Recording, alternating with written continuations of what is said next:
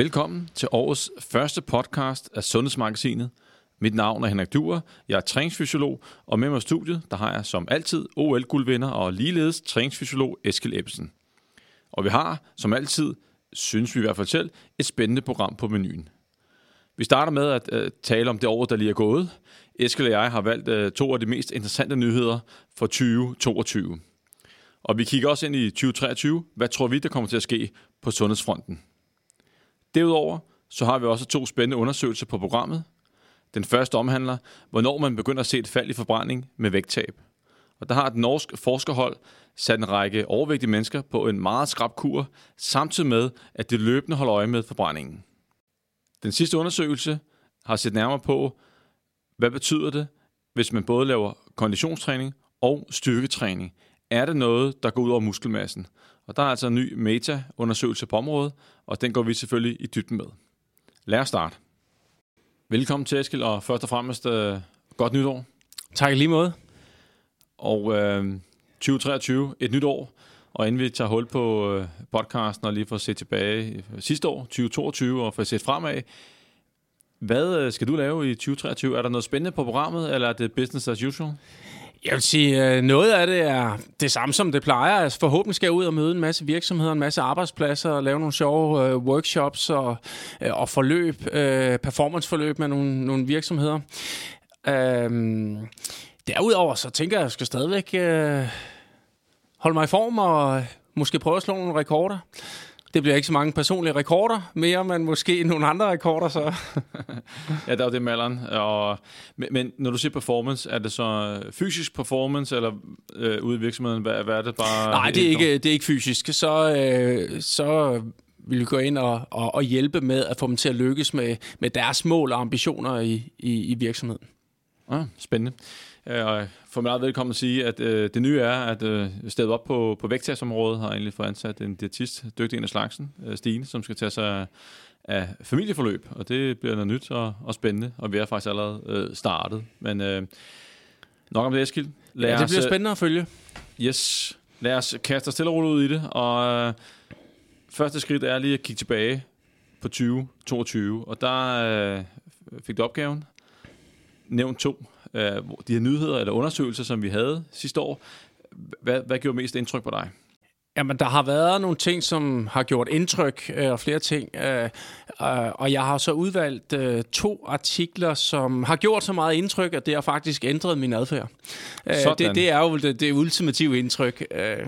Og den første, det er øh, det her med kunstig sødmiddel som vi jo fandt ud af øh, havde en øh, negativ betydning på, for øh, insulinfølsomheden.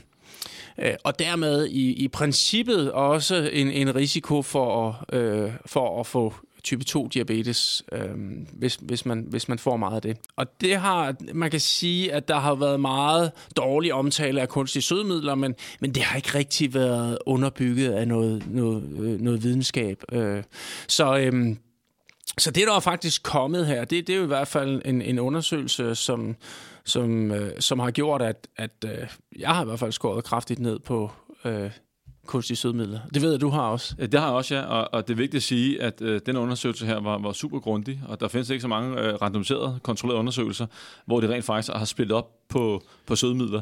Fordi at når man kigger på befolkningsundersøgelsen, så mange er sikker på, at mange af de her anbefalinger ligger, øh, ligger til grund for, øh, jamen, der er det jo alle sammen øh, samlet i, i en stor bunke. Men i denne undersøgelse her, som var meget, meget, meget grundig. Altså, jeg tror næsten, at de har vidst, at hvis de skulle igennem med denne her, så skulle der ikke være overladt noget til tilfældighederne. De skulle have vendt øh, alle sten. Og der så vi altså en forskel, Eskild. Ja, de skældner altså mellem de her forskellige kunstige sødemidler. Og der var fire. Saccharin, sucralose, stevia, stevia og aspartam. Og, og de var så kontrolleret op mod øh, ja, kontrol.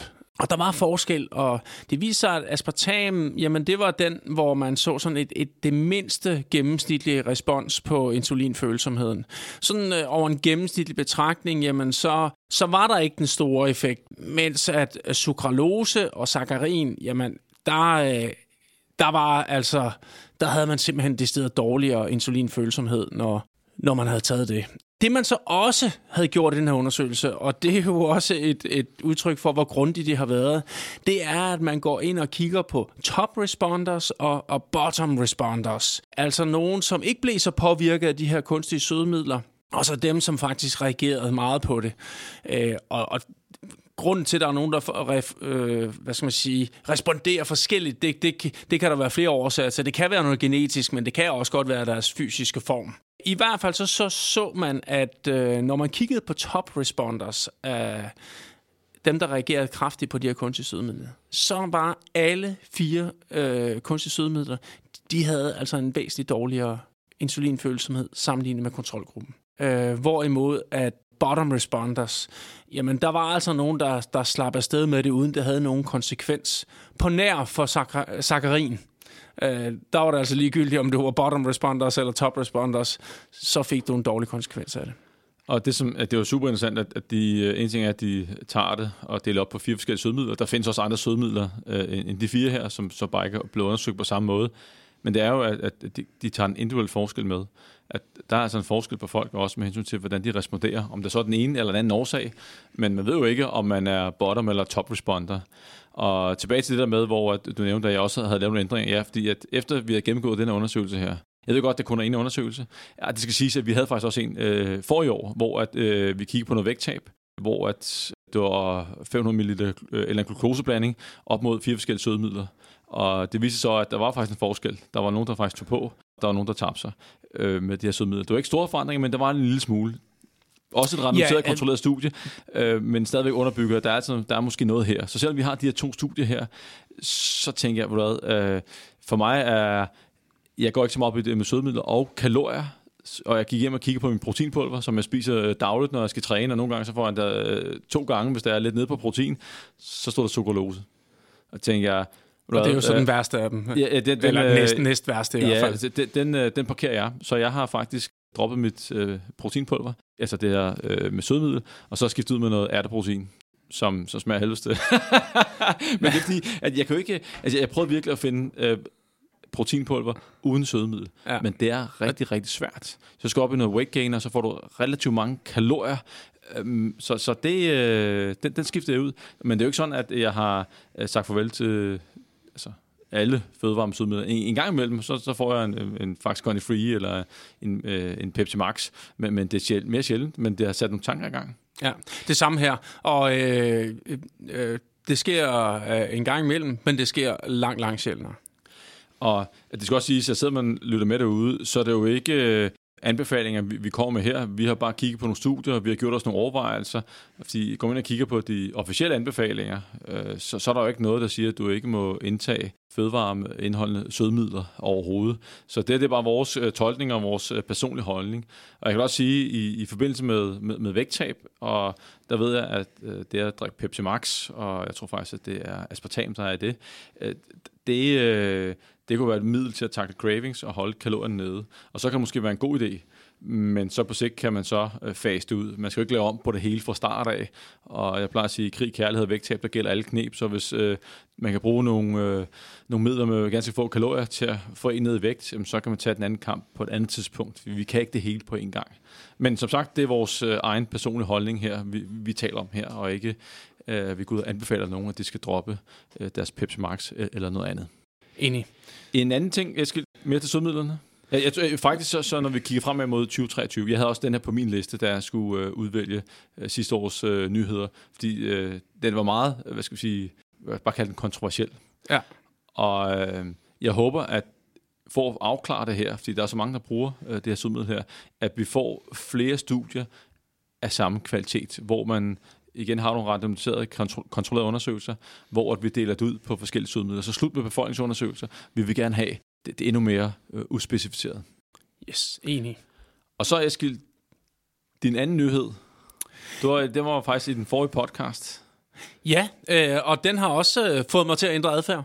Øh, og det var den her undersøgelse omkring øh, kaffe og øh, ja, dødelighed og risikoen for øh, blandt andet øh, kræft og hjertekarsygdomme, primært ja, forskellige hjertekarsygdomme. Og den, øh, den viste, øh, hvad vi faktisk også har set i tidligere undersøgelser, at kaffedrikkere lever længere. det, der så er specielt interessant ved, ved, ved den her undersøgelse, det er, at, at de også har været grundige i at dele det op i koffeinfri kaffe, instant kaffe og så almindelig filterkaffe. Og øh, der så man altså nogle interessante forskelle.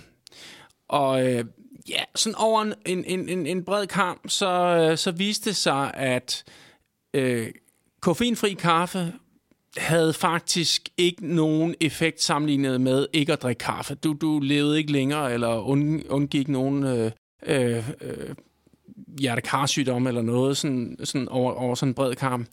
Øh, hvorimod, at øh, det gjorde man, hvis man, hvis man drak enten instant kaffe eller filterkaffe. Det viser sig også, at øh, filterkaffe havde en større forebyggende effekt end instant kaffe. Og det er derfor, du er skiftet? Ja, jeg, drak, jeg har drukket rigtig meget instant kaffe.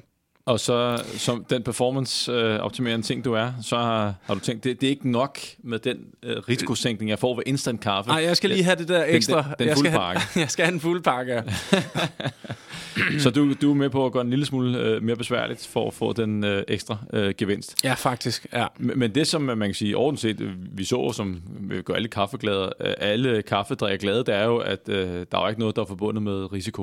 Uh, og egentlig den, som... Uh, altså den koffeinfri kaffe, altså hvis vi, man har spurgt en masse folk, inden man havde resultatet af en undersøgelse, så er jeg sikker på, at de fleste vil tænke, eller pege på, at koffeinfri kaffe, det, det må være den, der, der er sundest, eller har den største positive effekt på vores sundhed af dem alle sammen. Ja, og det er altså forkert ifølge den her øh, befolkningsundersøgelse. Det vi også lige skal huske, det er, at, øh, at øh, man har prøvet at tage højde for, for alle mulige kofaktorer, som det hedder, altså rygning og overvægt og motion og øh, alder og øh, så videre. Så, så altså man sammenligner ryger med ryger i, i de forskellige kategorier. Øh, men, men altså, der kan jo være nogle kofaktorer, man ikke har taget hensyn til. Altså, hvis man drikker meget filterkaffe, øh, øh, lever man så på en eller anden anden måde sundere, end hvis man drak koffeinfri kaffe. Det ved vi ikke, øh, og det, man har i hvert fald prøvet at tage højde for det, så, så der kunne være noget om det. Det de også har gjort og været meget grundige med, det er, at man har undersøgt, hvor meget drak man. Øh, og det viser sig også, at jo mere kaffe man drikker, jo større er effekten. Op til 4-5 kopper om dagen, så begynder det at, at, at, at have en mindre effekt. Og hvor mange kopper drikker du? Ja, men det er så måske også en af de ting, som, som kunne ske i, i her i 2023, det er at, at måske holde den ned under de der fem kopper. En anden ting, som øh, nu, nu siger du selv, at de to øh, artikler har haft en indflydelse på, altså på måden, du, du lever dit liv på. Med, nu der skår sødmidlerne væk og mere filterkaffe. En anden ting, øh, som udover det med sødmidler, som har haft en betydning for mig, vi har efterhånden haft en del studier, hvor man kigger på timingen af, af måltider. Altså, hvad skal vi sige, kalorierne, og ikke mindst mængden af kulhydrater i løbet af dagen. Og det, som, hvis, som egentlig har påvirket mig, det er, at jeg tager øh, mit største måltid om morgenen, hvor der er flest kulhydrater i. Og så prøver jeg at lade være med at spise for mange kulhydrater. Altså for sent om aftenen, altså tæt på sengetid. Jeg skal ikke op og lave, køre en dobbelt spilling time om morgenen. Jeg, skal ikke, har ikke brug for at tanke op hen over natten. Øh, det behov har jeg ikke. Men bare sådan en almindelig sund livsstil, der har jeg faktisk lavet den fordeling. Der har der ændret sig for mig. Ja, e- enig, og det, øh, det har jeg faktisk. Jeg har, jeg har selv levet typisk sådan, men, øh, men øh, det har været enormt interessant også at følge de forskellige undersøgelser, som har været inde og, og, og kigge på det øh, gennem året, og også de år tidligere endda, som, som bliver skarpere og skarpere. Men der er heller ikke øh, helt... Øh, jo, der er skarphed om, at øh, et stort måltid om morgenen og et lille måltid om aftenen, jamen det giver simpelthen større mæthed øh, for de samme kalorier. Og det er jo super, super interessant, hvis man gerne vil holde øh, kalorieindtagelsen nede. Og så er der debat om, at det påvirker metabolismen. Ud fra det, jeg har set, så vi havde jo to studier øh, sidst. Det ene, øh, begge to var fra Cell Metabolism, med en høj impact factor. Det ene studie viste, at der nok var nogen effekt, men så er der det sjove med forskning, at det er, at øh, det andet studie viste, at der, at der så var en negativ effekt af at spise øh, sent. Så den øh, debat er ikke øh, færdig endnu. Det er måske en af de ting, vi kommer til at se mere til i 2023. I hvert fald det med døgnrytmens indflydelse på vores kalorieindtagelse, måske også på, på selve træningen. Jeg vil lige sige en sidste ting, inden, vi hopper videre.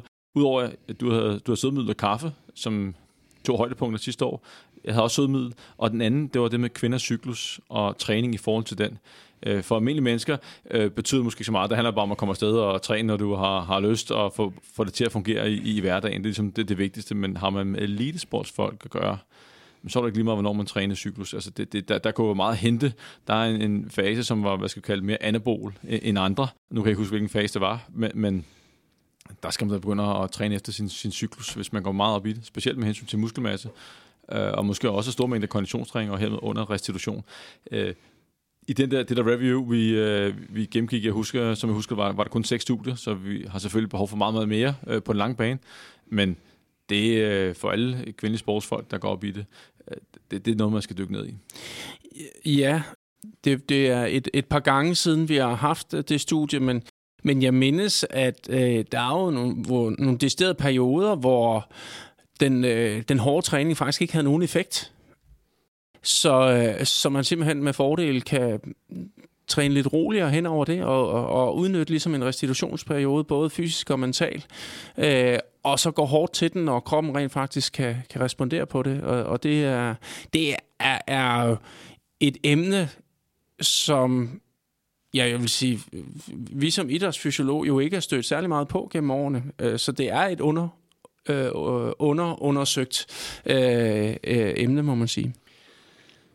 Godt, ikke mere 2022, helt kort 2023. Øh, jeg håber at se mere til det med sødmidler. Og så for, at det er måske et par år siden, der havde vi lidt om øh, okklusionstræning, kartotræning og konditionstræning. Man typisk lavet på styrketræning. Og der var altså nogle vilde resultater på, på konditionstræningen, men vi har ikke hørt noget til det siden, og det var ganske få studier. Så jeg håber, at øh, 2023 bliver året, hvor vi får lidt flere øh, studier, hvor man har kombineret øh, konditionstræning med øh, katsu eller okklusionstræning. Har du noget, du gerne vil se mere til, eller høre mere til næste år?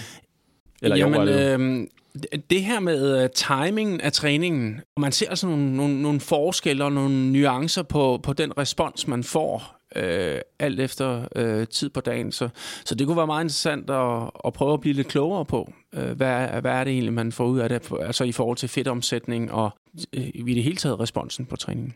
Absolut. Eskild, ikke mere snak om øh, sidste år og hvad vi forventer eller ønsker os i øh, 2023. Lad os tage hul på den, den første undersøgelse. Det er yderst velkendt, at forbrænding falder i forbindelse med vægttab, og vi har også været inde på det nogle gange i øh, nogle tidligere podcast. Men hvor hurtigt falder forbrændingen egentlig? Og vi ved, at det med forbrænding og vægttab, der er altså mange myter derude. Der er nogen, der taler om faste mode, og forbrænding går helt i stå, og jeg skal sige, at forbrænding går aldrig i stå. Jo, når man dør, så går forbrændingen i stå. Men ellers har man jo altid en, en form for hvileforbrænding. Og den undersøgelse her er super spændende. En ting er, at øh, de kigger på faldet forbrænding, men det de også gør, som øh, som er interessant. Øh, ikke noget, som vi kunne anbefale, men de ryger altså på en rigtig, rigtig skrab kur. De har 31 kraftigt overvægtige mennesker. Det er, ja, de har omkring BMI øh, 37, så det er tæt på ekstrem overvægt, som er BMI 40. Og det er næsten 50-50 med mænd og kvinder, og gennemsnitsalderen er 43 år. Og hold nu fast, de kører 8 uger med en såkaldt very low calorie diet, og de ligger et sted mellem 550 til 660 kalorier, kilokalorier om dagen, en pulverkur. Og øh, det gør de som sagt i 8 uger, og derefter er der en, en uge eller fire uger med noget vækststabilisering, hvor de ryger op i, øh, i, hvad skal vi sige, i kaloriebalance igen. Og der er ikke noget træning involveret, det er normal fysisk aktivitet. Og Eskild, 8 uger, mellem sted mellem 500 og 600 kalorier ish. Ja, så er man halvvejs gennem morgenmaden, hvis du spørger mig. ja, ja, ja, det er heller ikke og så er der ikke noget resten det, af dagen. Det er, heller, det er heller ikke min morgenmad. Jeg tror, min morgenmad er på omkring 800 øh, kalorier-agtigt. Men min, min er tættere på 1000.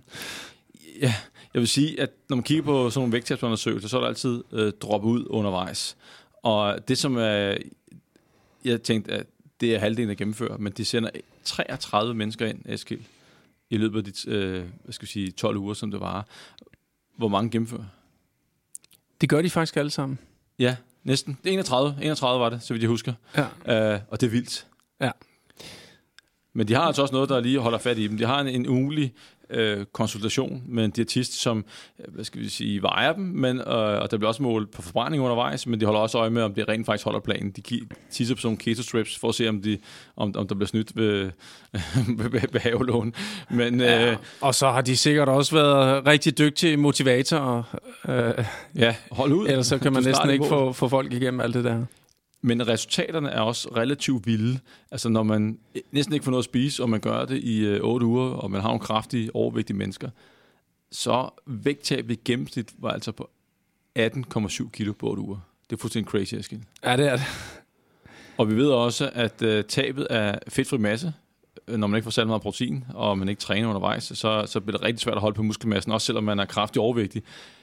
Og jeg ved godt, det er fedtfri masse, Eskild, det her. Det vil sige, der er også noget væske, der ryger her. Men der ryger altså sted mellem, øh, fra kvinderne op til mændene, mellem 5,2 til 8,3 kilo fedtfri masse. Ja. Wow. Det, det er, øh, ja, og det er jo også et tegn på, at det er måske lige voldsomt nok, øh, det de bliver udsat for her. Øh, og om ikke andet, så, øh, så vil, kan man sige, optimalt, så vil man træne noget mere, øh, prioritere øh, protein i kosten mere, lave styrketræning, og at den vej få et, et, et, i virkeligheden et sundere vægttab. Fordi at, at øh, det, er, det er jo også det stedet usundt at tabe for meget fedtfri masse. Øh, Præcis. At holde på fedtfri masse er jo en, en måde at forblive sund. Og, og det er jo fuldstændig... Altså hvis vi trækker de der 8 kilo fra i fedtfri masse, men så er der 10 kilo, så de har tabt 10 kilo fedt og 8 kilo øh, fedtfri masse. Det er altså en dårlig deal. I praksis vil det godt være, at 18,7 kilo ser voldsomt ud på vægten, men der er ikke særlig meget jubel over her. Så vil jeg hellere gå frem med cirka 1000 kilokalorier underskud og tabe cirka et, et kilo fedt og, om ugen. Til gengæld så er der noget træning involveret, og der er mere protein i kosten, og livet til at, lidt mere til at leve, end, end den der sultekur her. Men der er jo nogen, der griber det an på den måde. Måske ikke i 8 uger streg, men i, i 2, 3, 4 uger måske. Ja, og, det, og om ikke andet, så virker det på badevægten. Det, det, må, det må man sige. men badevægten er en ting, og, og, og sundhed er selvfølgelig en anden ting. Øh, men man kan også sige, at det, der har været målet med den her undersøgelse, det har jo også været at gå ind og kigge på, når vi, når vi går kraftigt til værks. Hvilken effekt har det så rent faktisk på vores hvilestofskifte? Er det, så, er det så voldsomt, som man tror, eller er der overhovedet nogen effekt? Uh, de har selvfølgelig en, en baseline for, hvordan de måler hvilestofskifte, uh, eller de har et, uh, en baseline for hvilestofskifte. Og uh, for hvis, hvis vi lige skal tage metoden, for det er jo også noget af det, vi har kigget ind i, det er, at uh, jamen, det er standard, og det er helt efter de bedste standarder, man rent faktisk har målt uh, uh, hvilestofskifte. Det er ved hjælp af af iltoptagelse, øh, og man, man øh, øh, skal have fastet op til, og, øh, og øh, alle mulige ting, som, som, som gør, at man, man, man får et reelt hvilestofskifte. Ja, det ligger jo ned i, nu kan jeg huske, om det er 20 eller 30 minutter her, men, men det ligger jo fuldstændig stille, og så er det sådan en, en, en hud øh, henover, ligesom sådan en form for udsugning, eller en, der måler deres øh, udåndingsluft. Og øh, så kan man jo præcis måle deres ildoptagelse og deres øh, kalorieforbrug i, i hvile. Og det er sådan en, en rigtig god øh, metode til, til den del. Ja, præcis. Og det gør de altså allerede igen på dag 3, øh, hvor de har tabt 1,8 kilo. Ja, 1,9 var det. 1,9. Øh, og så gør de det, hvor de har tabt 5% af deres øh, kropsvægt, og 10%, og så igen øh, efter de her 8 uger. Og så gør de det igen efter fire uger, hvor de har skulle været vækststabile i, i de her fire uger. Og man og det, kan, jeg kan måske tilføje, at de 5% er opnået efter 12 dage, og det 10% øh, vægttab er efter 32 dage i gennemsnit. Og deltagerne vejer altså stadig mellem 100 og 125 kilo. Så når der er gået 32 dage, øh, lige en, en god måned, så er der altså røget 10-12 kilo blandt de henholdsvis kvindelige og, og mandlige deltagere. Men der skal også fart på, hvis det er, at de skal nå til det 18,25 ja, kilo på 8 uger. Men det er gået stærkt. Hvis man så kigger på, øh, hvad der reelt er sket med forbrændingen, jamen så falder den det gør den, øh, øh, kan man sige, øh, allerede fra, fra starten af, men, men øh, allerede ved, ved 5% målingen, der, der er de gået ned i, i forbrændingen. Men det, der måske er specielt relevant at kigge på, øh, fordi det ved vi jo godt. Så ja, når du, når du, øh, når du taber fedtfri masse, så taber du også din forbrænding. Hvis man overhovedet set skal sige, okay, hvad betyder det sådan i, i kilokaloriemæssigt? Så hvis man lader være med at gå op i forhold til fedtfri masse, men bare kigger på kropsmassen over de 8 uger, jamen, så, er faldet sted mellem, jeg tror, der er 150 og 200 kalorier ish, i, i det område. Og Det, det, det, det er ikke 10 sådan, procent. at- 10, 10 procent, og det betyder selvfølgelig noget, men det er ikke sådan, at forbrændingen bliver slukket. Øh, og man skal tænke på, at de har jo en, en, stor kropsmasse i forvejen. Og øh, noget af det var jo var fra det, vi kalder for adaptiv termogenese. Altså, der sker også nogle hormonelle forandringer. Vi ser at stofskiftehormonerne også, også falder. Og øh, der var, andelen af det var måske 100 kalorier. Så nej, forbrændingen blev ikke slukket, men man skal være opmærksom på, at når man har tabt mere end 5% af kropsvægten, i hvert fald på den her måde her, vi ved ikke rigtig, hvad man gør, hvis man sørger for at øh, gøre alt, hvad man kan for at fastholde muskelmassen, men på den måde her, så, så, er der, så skal man måske øh, kompensere lidt i, med kost eller motion for at holde samme tempo, så, så der sker noget. Ja. Altså, øh, når jeg siger 10 procent, så, så er det jo undervejs i vægttabsperioden. Yes. Men, men, men fordi de har tabt en masse øh, kropsvægt og fedtfri masse, så, så er deres totale forbrænding faktisk øh, lige, lige faldet et sted mellem 10 og 15 procent for, for de fleste. Ja, og så kiggede de også på... Øh, altså, de havde... En ting er, at de, de lå i hvile, og man målte på deres hvileforbrænding. Så prøvede man også at se, okay, hvad betyder det for øh, deres... Altså, når de forbrænder kalorier på en cykel, altså noget fysisk aktivitet. Og så havde de nogle... De satte dem op, og det er sådan, hvor jeg tænker, det var sådan lidt, lidt, lidt latterligt lave øh, belastninger, øh, undskyld. Men de ligger... De bliver sat op på en cykel, og så bliver det bedt om at cykle 10 watt Eskild, Ja. 25 og 50 watt. Altså 50 watt, okay, så er vi nede i, i, i lav belastning, øh, og specielt hvis man, også selvom man er utrænet, der, men, men 10 watt, altså, altså, jeg ved ikke engang, hvad jeg skal sige til det. Jeg aldrig, kan man træde 10 watt på en cykel? Øh, det, det er så lidt, som man ikke øh, fatter det. Nej, altså det, er der. Altså, man kan næsten ikke lave så lidt modstand i, i, i pedalerne, tænker jeg, at, Ja. at man er nede på 10 watt. Men, men i hvert fald så så de, at, at det at sidde på cyklen, at når de har tabt sig, at der rent faktisk også var et lille fald i de forbrændte kalorier på cykel, på omkring måske plus minus 10 procent-agtigt noget. Ja, den, den øh, er faktisk øh, over 10 procent. Øhm, altså den netto stigning, man ligesom får i, øh, hvor, hvad bliver din forbrænding øget med, når, når du øh, ligesom øger belastningen. Og, og det er jo, øh, hvor man ligesom tænker, jamen altså du, får, du forbruger energien, øh, så burde du også ligesom få den øgede forbrænding. Øh, ellers så er man jo blevet, i princippet sådan rent, rent øh, teoretisk, så er du blevet dygtigere til at cykle. Altså du har fået en bedre øh, økonomi. Du, du kører simpelthen længere på literen, øh, når du har tabt dig. Det giver sådan umiddelbart ikke mening, men, men der kan jo så alligevel være nogle forklaringer på det. Ja, altså, øh, man kan sige sådan evolutionært giver det måske meget god mening, hvis du er i kalorieunderskud, kraftig kalorieunderskud, at for at overleve, at du, du bliver mere øh, økonomisk, når du skal bevæge dig, at du simpelthen sætter energiforbruget ned på, på det område der, for samlet set at, at spare på kalorierne. Øh, og så er der en masse teoretiske forklaringer med hensyn til, hvad, hvad et fald i stofskiftshormon til 3 og til 4 kan betyde på, på cellniveau.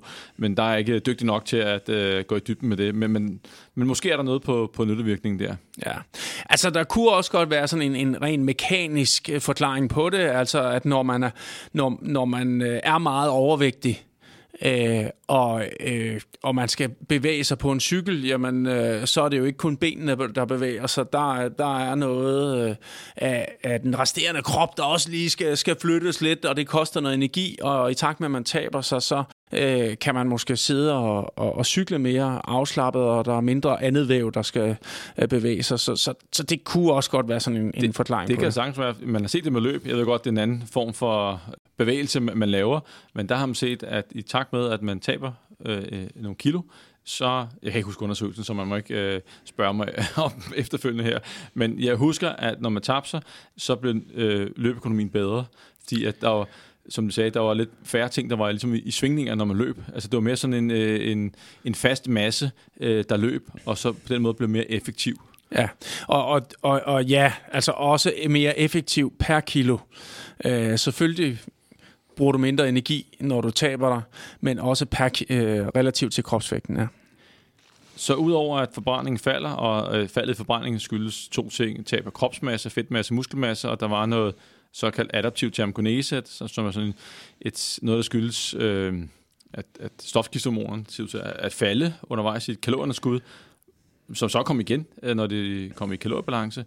Men Eskild, der er en figur her, hvor de forsøger at tegne en sammenhæng. Vi kan ikke vise figuren, men der har de plottet de individuelle værdier ind for, jeg tror det var øh, ved 5%, 10% vægttab, og efter, øh, nej, der var en ting til, men vi har et, et billede af individuelle værdier. Ja. Og, og det, det er vildt, Eskild. Det er det faktisk. Altså, altså man skulle tro, det var skudt med spredhavl, det der, øh, ja, ja, der. de der værdier der, fordi reelt, øh, ja, så, så ser vi jo sådan, øh, tendenslinjerne, de er jo, som vi har beskrevet, de her gennemsnitsværdier, øh, at øh, jamen, de, de taber sig mere og mere, og, og, og forbrændingen falder og falder øh, gennem deres vægttab. Øh, men der er altså nogen, der reelt har en højere forbrænding midt i deres vægttabsperiode. Ja, og, og det, er ikke, det er ikke bare en prik ud af dem her. Altså, der, der er flere prikker, der ligger over nullinjen her, hvor man siger, at den såkaldte adaptive termogenese, at, at den stiger faktisk.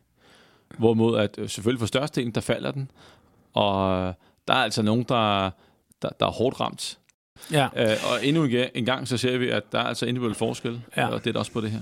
Og det er, øh, som vi talte om, det er jo, øh, det er jo ikke målemetoden, øh, det er gået galt med, men, men selvfølgelig kan der, være, kan der være nogle dagsvariationer på ens øh, hvileforbrænding.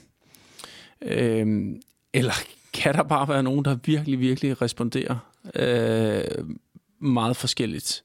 Ja, og... øh, nogen responderer heldigt, og nogen responderer særdeles uheldigt. Altså nu kan vi jo sådan ligesom konstatere ud fra det her studie her, vi har også haft nogle andre, hvor at de har tabt sig i samme størrelsesorden, hvor vi ser, at øh, der er et, et fald med måske 200-300 kalorier samlet set øh, på forbrændingen øh, ved et, et, et vægttab på omkring de, de her 15 kilo. Per døgn. Per døgn. Og så ser du så, at øh, det kommer tilbage, i hvert fald den adaptive termogenese, det, det, det fald i forbrænding, vi har derfra, det kommer tilbage, når vi kommer i kaloriebalance. Men det, som så går fuldstændig imod det, men også med en helt anden opsætning øh, studiemæssigt, det er jo The Biggest Loser. Vi har haft den før. Det er et helt andet scenarie, hvor det er et tv-program, hvor man så har taget, man har forsket, man har testet dem op foran med en DEXA-scanner, man har målt vildstofskifte, så efter et halvt år, hvor det er tabt plus 30 kilo, øh, der ser man så, at de har tabt øh, en masse forbrænding, men når man så følger op fem år senere, så har, er der mange af dem, der ikke har fået deres øh, forbrænding tilbage, på tr- øh, øh deres adaptive termogenese, på trods af, at de rent faktisk har ligget i kalorieoverskud, fordi de fleste har taget på, og de deltager. Ja, og de er stadigvæk træner. De er stadig træning, ja. Og det, som snakker om i, i, i den artikel, det er jo, at en ting er, at det er et stort vægttab, men de har også været ekstremt fysisk aktive. Og, var ved, og, for, altså, og det blev ved med at gøre det, også i vægtvedligeholdelsesfasen. Og måske gør, lave det en kompensation på vildstofskiftet, hvis man er meget fysisk aktiv. Ja, så man simpelthen øh, øh udnytter sin energi bedre, øh, og, og, og dermed i virkeligheden skal spise endnu mindre for at holde, øh, holde sig vægtstabil. Ja, så man kan måske blive for fysisk aktiv. Kroppen begynder måske at kompensere på et tidspunkt. Men, men det der så var... Under en, vægt, øh, under en vægttabsperiode. Ja. ja. Det kan godt være, at det, det, det kostede mest på hvileforbrændingen at være meget fysisk aktiv, men det er også dem, der klarer sig bedst. Så det var sådan... Øh, man, man tabte lidt det ene sted, men til gengæld så vandt man i, i sidste ende. Måske. Præcis, ja. Eskild, ikke mere forbrændingssnak. Lad os gå til den sidste undersøgelse. Jeg har undervist i fitnessbranchen i mange år, og øh, der har debatten altid kørt. Hvis man blander kondi og styrketræning, ikke nødvendigvis i samme pas, men det kan også være øh, over ugen, jamen så kan det gå ud over opbygning af muskelmasse. Ikke at det annullerer opbygning af muskelmasse, men man har måske ikke skabt optimale betingelser. Og den diskussion har kørt frem og tilbage, og øh, nu er der kommet sådan en, en ny meta-undersøgelse på området, hvor man er, skal vi sige, har taget en masse studier, som har, har kigget på lidt af det samme, og så prøver at se, om kan man trække øh, et stort fedt gennemsnit ned igennem, for at se, kan vi komme med en eller anden samlet konklusion. Og i denne undersøgelse her, der har man fundet 15 egnede studier, der er samlet set 319 deltagere, og hvis man skal være egnet, jamen så skal det være med sunde, voksne, og køn, øh, alle typer køn, var det vil sige. Interventionen skal være superviseret, og man selvfølgelig både skal lave øh, kondi- og styrketræning i sit træningspas, eller i løbet af ugen, og varigheden af, af studiet, træningsinterventionen, skulle være minimum 4 uger. Og ud af de 15 studier, der var der ni af studierne, som havde, hvor de havde brugt øh, cykling som konditionstræning, og man kan friste til at sige, at kun tre havde benyttet løb. Og øh, Eskil, Ja. hvad har du af kommentar? Jamen, øh, først og fremmest, så, så har man jo altså taget de her 15 undersøgelser, øh, som alle øh, har haft en gruppe, der øh, lavede kombineret konditionstræning og styrketræning, sammenlignet det med en gruppe, som kun lavede styrketræningen. Vigtig pointe, det glemte jeg lige at nævne. Ja. Yes. Øh, og så har man jo så kigget på, hvor meget gik de frem i styrketræning. Øh, og, og ligesom kigget på, jamen, øh, havde den øh, havde konditionstræningen så i virkeligheden en negativ effekt på, på den øh, styrkeforøgelse, som man, man fik. Det, det er det, der går igen hos alle de her studier, og det er det, så det, man har kigget meget grundigt på og, og, og sammenlignet øh, lidt, jamen, øh, er der en forskel på forskellige øh, måder osv. Og, og sådan samlet set, når man kigger på alle de 15 studier, så var der ikke forskel.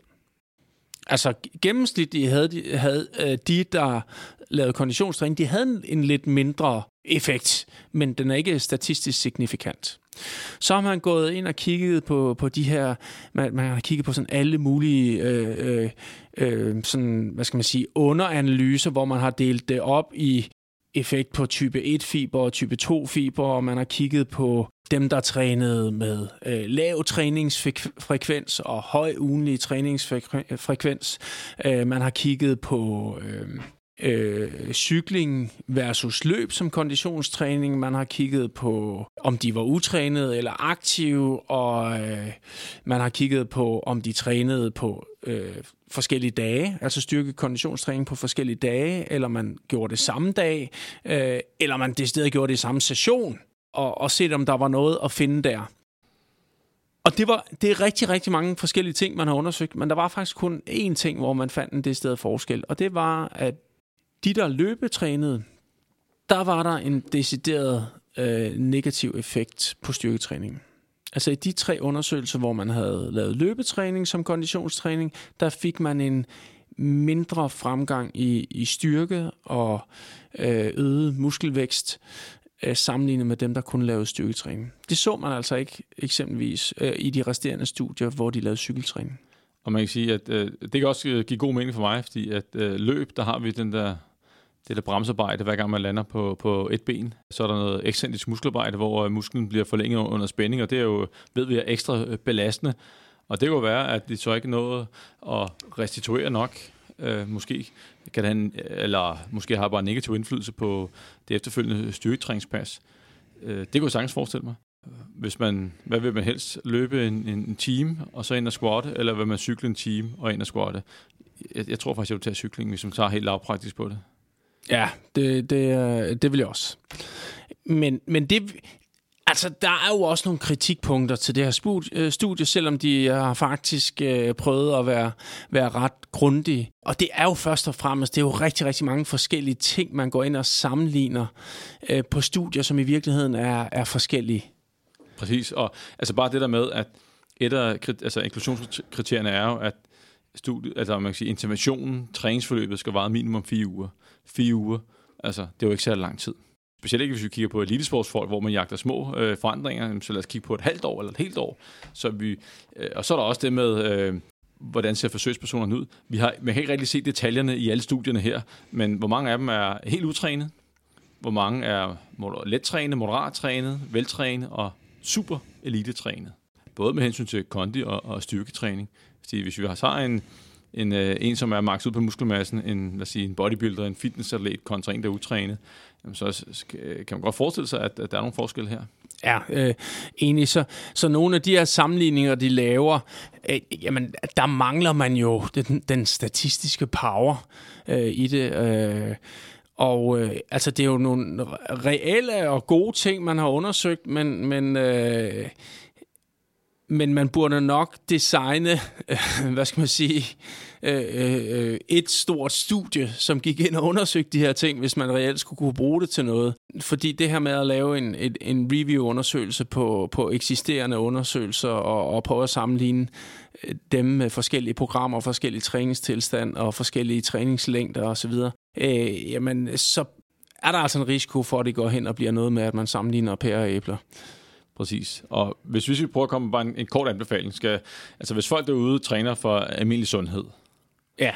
og øh, de kan løbe, de kan cykle, og de kan lave styrketræning. Fantastisk. Så får de, øh, skal sige, det bedste af alle verdener. Bliv ved med det. Men hvis man nu er elite-elite, og går voldsomt meget op i, i styrke og, og i muskelmasse, så vil jeg ikke uh, tage konditræning med. Og en ting er, ja, hvad, hvad skal man bruge den til? Uh, en, en anden ting er, tænk hvis der er en, en lille effekt. Vi ved, at det er minimale, altså minimale ting, vi konkurrerer om. Ja, så der, skal, der vil man i hvert fald holde uh, konditionstræningen på, på meget let, eller, eller ja, på et helt minimum. Uh, men, men omvendt, sådan rent ud fra et sundhedsmæssigt synspunkt, uh, så, så, så kan man også sige, at jamen, så, så stor negativ effekt har det altså heller ikke, når vi sådan kigger på, på, på studierne, at, at man skulle lave konditionstræning. Præcis. Og faktisk statistisk set er, er det de færreste undersøgelser faktisk øh, viser en forskel. Ja, specielt hvis du, du, du, du cykler. Ja. Så er der, øh, det kan man jo sådan gøre med, med, med, med god samvittighed. Ja. Så det skal man da huske at øh, have for øje. Ja. Jeg vil, jeg vil sige, at... Øh, vi har også talt om det her øh, inden, og man kan sige, hvis man skal bruge sin sunde fornuft, og det skal man jo passe på med, når man analyserer videnskabelige artikler, men, men vi bliver også nødt til her at sige, at øh, øh, fordi, det er jo, fordi det jo ikke er designet, øh, studierne er jo ikke designet til øh, de her øh, resultater fordi det, de oprindelige undersøgelser er jo ikke lavet til, til lige nøjagtigt de analyser, så må man også sige, at øh, jamen, har, man, har man lavet rigtig, rigtig hård konditionstræning øh, lige inden, jamen, og det kender vi jo også fra os selv, jamen, det er altså ikke der, man får lavet lige efter det. Det er altså ikke der, man får lavet den mest effektive øh, styrketræning.